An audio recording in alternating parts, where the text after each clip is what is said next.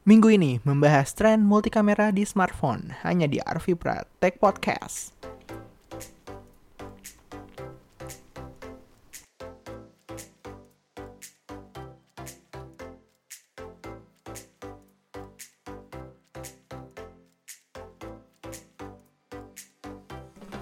Halo, apa kabarnya nih? Uh, by the way, gue baru baru ini baca komik One Piece, One Piece-nya siapa tuh Oda itu tuh, yang Luffy Luffy itu. Anjir ternyata asik juga ya. gue baru baca sampai di arc yang Don Flamingo itu tuh yang di ada kota yang sebagian penduduknya tuh dijadiin mainan gitu. Terus ada gladiator gladiatornya lah. Dan gue nyesel banget sih baru baca uh, sekarang-sekarang ini gitu. Soalnya dulu uh, dulu gue sempat benci sama One Piece karena One Piece tuh kalau nggak salah uh, mengganti kartun favorit gue yang bahkan sekarang pun gue lupa. Kartun favorit gue itu apa cuman cuman benci benci ke One Piece nya tuh tetap ada.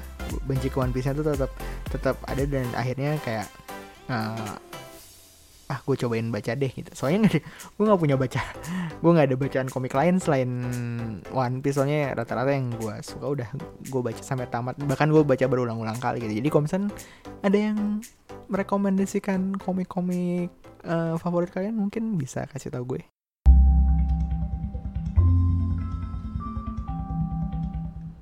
oke okay, uh, eh, untuk berita minggu ini yang pertama dari Samsung yang memperkenalkan dua smartphone seri A terbaru mereka yaitu Galaxy A7 dan Galaxy A9 di Malaysia. Smartphone ini memperkenalkan setup kamera yang lebih banyak, bahkan dibandingkan seri S dan Note. Tiga kamera utama di A7 dan empat kamera utama di A9. Untuk Galaxy A7, pre-ordernya sudah dibuka di era phone dan online marketplace seperti Blibli dan Lazada di harga Rp4.499.000 dengan cashback sebesar Rp500.000 sedangkan A9 sendiri akan menyusul di bulan November. Kedua datang dari Adobe yang merilis aplikasi terbaru mereka yaitu Premiere Rush CC. CC, CC. Sebuah aplikasi video editing yang dikhususkan bagi kalian para kreator video online. Berbeda dengan Adobe Premiere CC, aplikasi ini lebih simpel dan mudah digunakan. Yang bisa kalian lakukan di sini adalah video editing, membuat motion graphic, dan audio mixing. Tersedia di desktop dan iOS mulai saat ini dengan berlangganan Creative Cloud Plans di 9,99 dolar per bulan per individu. Akan hadir di Android pada awal 2019. Selanjutnya dari Apple yang mengumumkan official case untuk iPhone 10R, 10R, 10R, 10R yang mulai dijual nanti tanggal 26 Oktober iPhone XR ini adalah seri iPhone termurah di tahun 2018 dengan layar IPS LCD uh, dan back cover warna-warni yang trendy. Nah, karena back cover warna-warni trendy ini, jadi Apple ngasih uh, official case transparan sehingga iPhone XR akan tetap terlihat lebih menarik dan tetap aman dari benturan. Nah, yang mengejutkan adalah harga dari case ini dijual seharga 40 US dollar atau sekitar 600 ribu rupiah untuk sebuah transparan case. Hard case ya harusnya ya. Udah 600 ribu terus soft case aduh sedih banget.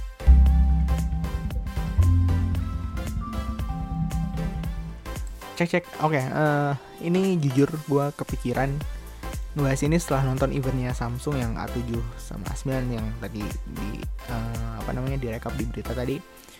Jadi sebenarnya modul kamera yang lebih dari satu ini udah lama. HTC sama LG uh, sempat jadi pelopor dengan menjual fitur 3D gitu. Jadi dengan dua kamera gitu bisa menghasilkan efek-efek 3D gitu. Efek-efek 3D yang sayangnya tidak laku di pasaran gitu. Tidak nggak orang-orang nggak kebeli dengan fitur 3D 3D gitu. Nah berikutnya ada Huawei yang bekerja sama dengan Leica untuk membuat modul kamera ganda yang satu sensor warna yang satu sensor uh, hitam putih atau monokrom gitu kan. Jadi uh, dengan adanya sensor mono tambahan monokrom itu tuh ngasih detail-detail yang lebih dibandingkan uh, hasil dari si sensor RGB-nya jadi kayak kontras antara gelap dan terangnya lebih jauh lebih baik dibandingkan foto pada saat biasanya harusnya gitu seperti itu. Nah, baru deh setelah itu LG memulai mencoba lagi, mencoba mencoba kembali, mencoba ingin ngetren ini. LG ini dari dulu emang hobi banget ya pengen pengen ngetren itu pengen edgy tapi tapi nggak ada nggak ada yang ngedukung dia gitu. Ya ya aduh gue banget jadi kayak kayak oh ini gue bisa ini gue bisa gue ini gue bisa ini. Terus tapi nggak ada yang nggak punya nggak punya nggak punya orang di belakang yang bisa support dia gitu loh. Jadi kayak kayak ide-ide yang dia keluarkan tuh tidak tidak apa namanya tidak tidak terutilize dengan sempurna gitu loh. Gitu. Jadi ya LG uh, waktu itu juga sempat bikin sorry uh, dual kamera yang satu lensa biasa yang satu wide lens. Jadi uh, apa namanya si lensa yang wide ini tuh ngasih uh, perspektif yang cukup berbeda gitu saat mengambil gambar. Jadi kayak tang daya tangkapnya lebih luas dan memberikan apa ya uh, ya apa namanya bisa buat vlogging vlogging gitu enak lah pokoknya. Saya kan yang vlogging nyarinya yang wide lens gitu. Nah baru setelah itu Apple uh, bikin waktu itu apa ya iPhone 6s Plus. Eh bukan. 7 Plus ya 7 Plus. Yang uh, ada dua kamera yang satu lensa biasa yang satu satu lensa tele gitu telefoto lensa zoom. Nah si lensa zoom ini selain ya fungsi untuk zoom untuk zooming untuk zooming dua kali dua kali doang gitu uh, bisa buat menghasilkan efek bokeh gitu efek yang uh, objeknya itu crisp kayak crisp itu jelas clear. Tapi backgroundnya tuh blur-blur gimana gitu. Jadi kayak seakan-akan tuh film looks gitu loh.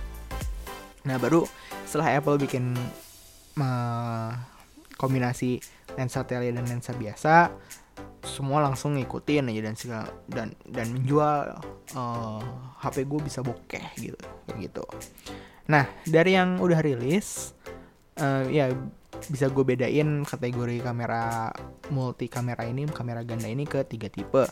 Yang pertama itu jenis sensornya, apakah sensornya RGB atau sensornya monokrom. Yang kedua itu beda focal length-nya, ini dia ada telefoto sama wide. Dan satu lagi itu biasanya resolusinya itu 5 megapiksel tok gitu ya.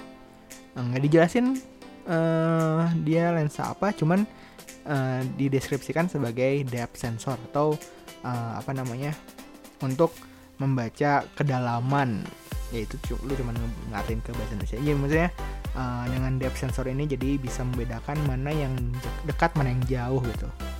Kayak gitu. Jadi yang objek yang jauh di blurin ya objek yang dekat dibikin fokus. Katakanlah seperti itu.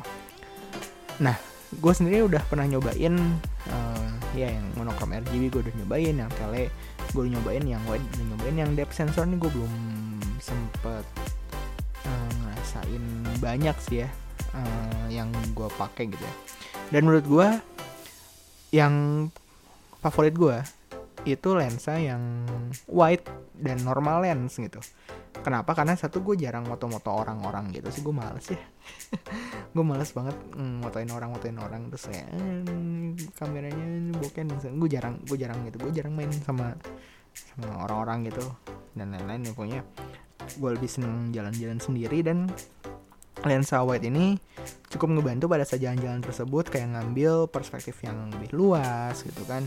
Uh, mengambil pemandangan tuh jadi lebih uh, imersif gitu seperti itu. Jadi lensa wide itu buat menurut gue lebih kepake dibandingkan uh, beberapa kategori yang tadi gue sebutin tadi gitu.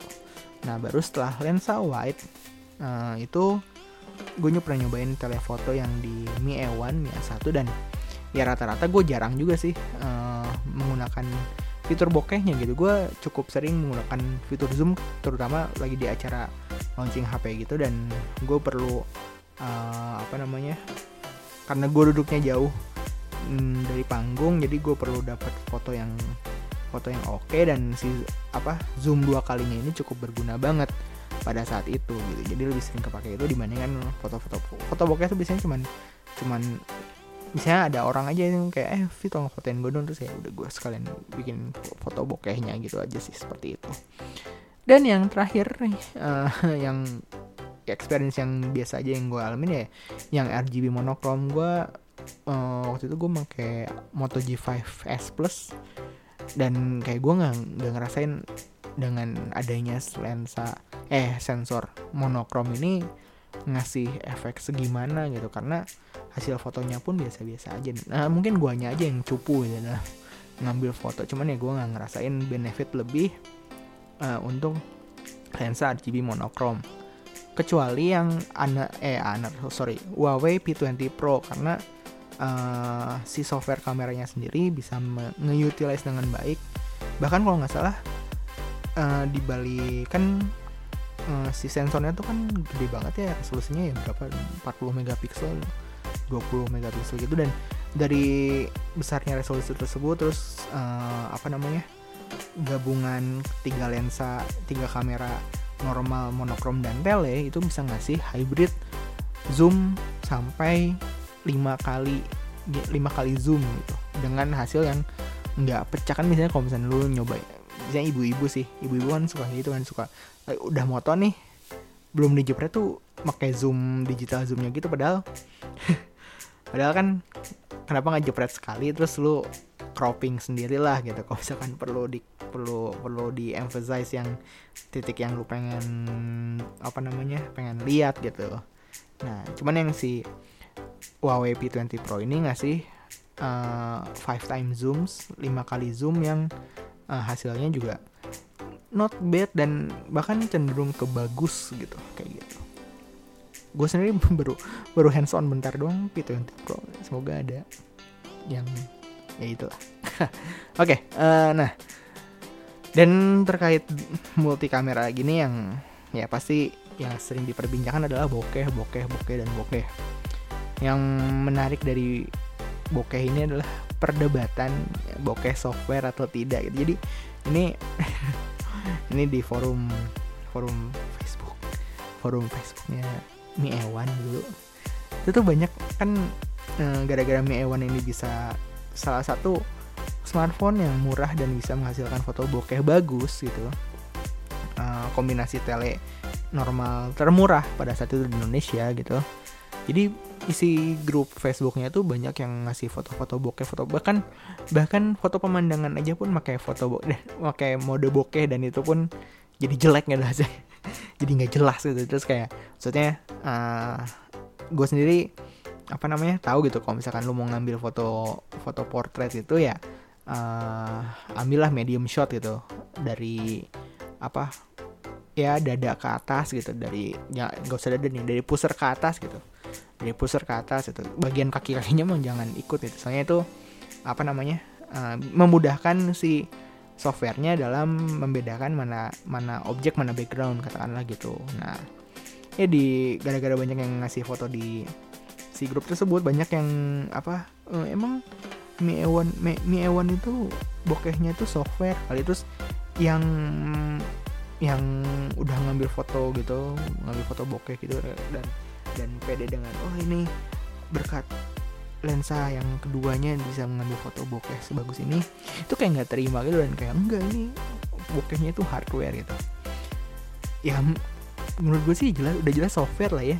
Kalau misalkan bokeh dari hardware tuh ya menurut gue sih baru bisa di dihasilkan dari kamera prosumer, mirrorless atau DSLR gitu.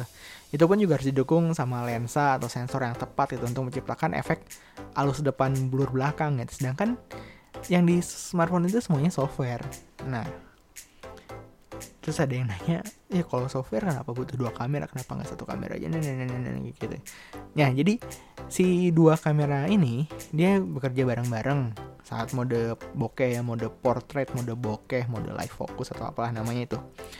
Nah kan rata-rata ini gue ambil contoh yang tele aja ya. Kan lensa normal sama lensa tele tuh focal lengthnya beda vokal lengthnya itu eh jarak jarak vokal lengthnya itu beda. Jadi mm, jarak mengambil si titik fokus dari lensa tele dan lensa lensa normal itu beda. Nah si perbedaan itu dijadiin acuan. Mana objek mana background. Nah setelah jelas separasi objek dan backgroundnya ya si objeknya di fok apa fokus di objeknya di bagian backgroundnya itu di blurin gitu. Dan blurnya pun nggak blur Gaussian blur atau apa ini blurnya tuh ya blur yang emang kalau yang software yang bagus ya yang yang emang membuat efek-efek bokeh kayak apa lingkaran-lingkaran cahaya lingkaran cahaya gitu gitu. Nah itu kenapa kombinasi normal lens dan tele lens telefoto lens itu ngasih efek bokeh yang lebih bagus dibandingkan yang lain gitu. Karena data yang dat, data yang di apa uh, si softwarenya menerima data yang memang diperlukan dan cukup signifikan untuk membuat separasi objek dan backgroundnya. Yang jago itu Google gitu. Di Pixel 2 dan Pixel 2 XL Google Pixel 2 dan Pixel 2 XL itu tuh cuma model satu lensa aja. Dia bisa ngasilin foto bokeh yang bisa disetarain sama smartphone yang kameranya ganda gitu. Smartphone ya iPhone iPhone 10 katakanlah gitu atau Samsung Galaxy S8 Note 8 gitu. Nah yang Google pakai ini caranya itu beda lagi. Ya karena dia dengan modal cuman modal satu kamera doang ya. Jadi dia membutuhkan uh, tenaga tambahan yaitu dari machine learningnya Google AI machine learning. Ya pokoknya dari si machine learningnya Google. Nah si machine learningnya ini dia uh, mampu membedakan mana objek dan background dari satu lensa si Pixel 2 ini gitu. Jadi udah ada katakanlah udah ada ya bisa membedain lah. Bisa separasinya cukup cukup oke okay, walaupun kadang-kadang ada hit and miss juga. Walaupun dengan modal satu kamera itu ya itu sudah uh, merupakan uh, apa namanya keunggulan yang jauh gitu loh. Bahkan di Pixel 3 pun masih betah pakai satu kamera dan hasilnya katanya sih akan lebih bagus lagi gitu si bokehnya itu si portrait mode-nya gitu. Yang pernah ya kan gue nggak belum belum pernah megang pixel ya. Cuman kan udah banyak tuh Google Kamera Google Kamera yang beredar dan itu pun si Google Kamera yang beredar dan diinstal di berbagai berbagai berbagai smartphone pun hanya membutuhkan uh, satu kamera aja untuk menghasilkan foto bokehnya. Dan itu uh, eh, gue waktu itu nyobain pakai Mi E1 dan ya emang rata-rata si portraitnya itu baru jalan pada saat kondisi yang tepat kayak ya tadi yang gue sebutin uh, medium shot gitu dari pusar ke atas terus objeknya itu harus orang nggak bisa kucing. Kalau kucing berantakan hasilnya kalau objek lain berantakan hasilnya. Bahkan mungkin nggak ada blurnya jadi nggak ada dan segala macam kayak gitu. Nah yang gue tunggu-tunggu itu adalah Galaxy A9 kenapa? Jadi gini kan dia tuh ada empat kamera nih. Dia ngasih empat kamera. Jelek banget mau belakangnya. Jelek banget. Yang satu normal lens yang satu lagi wide lens untuk ngasih untuk menghasilkan foto yang sudut pandangnya cukup lebih lebar itu daripada yang biasa. Yang satu lagi telefoto lens untuk zooming untuk eh, ini untuk zooming lah untuk eh, untuk untuk efek zoom dan segala macam.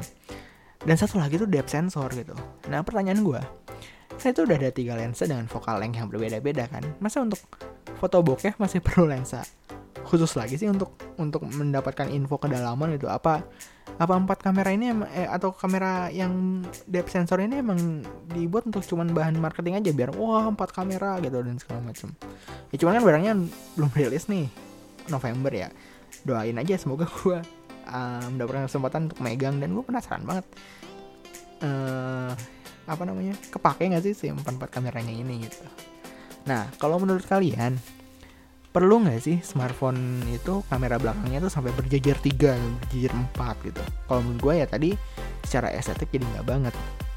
Boleh banget jawaban kalian dikirim ke Instagram at Arvipra Tech Podcast atau Twitter at Arvipra. Email juga boleh ke kotak surat at arvipra.my.id uh, kritik dan saran juga dipersilahkan. Itu aja untuk minggu ini. Terima kasih sudah mendengarkan. Kita ketemu lagi di selasa depan. Bye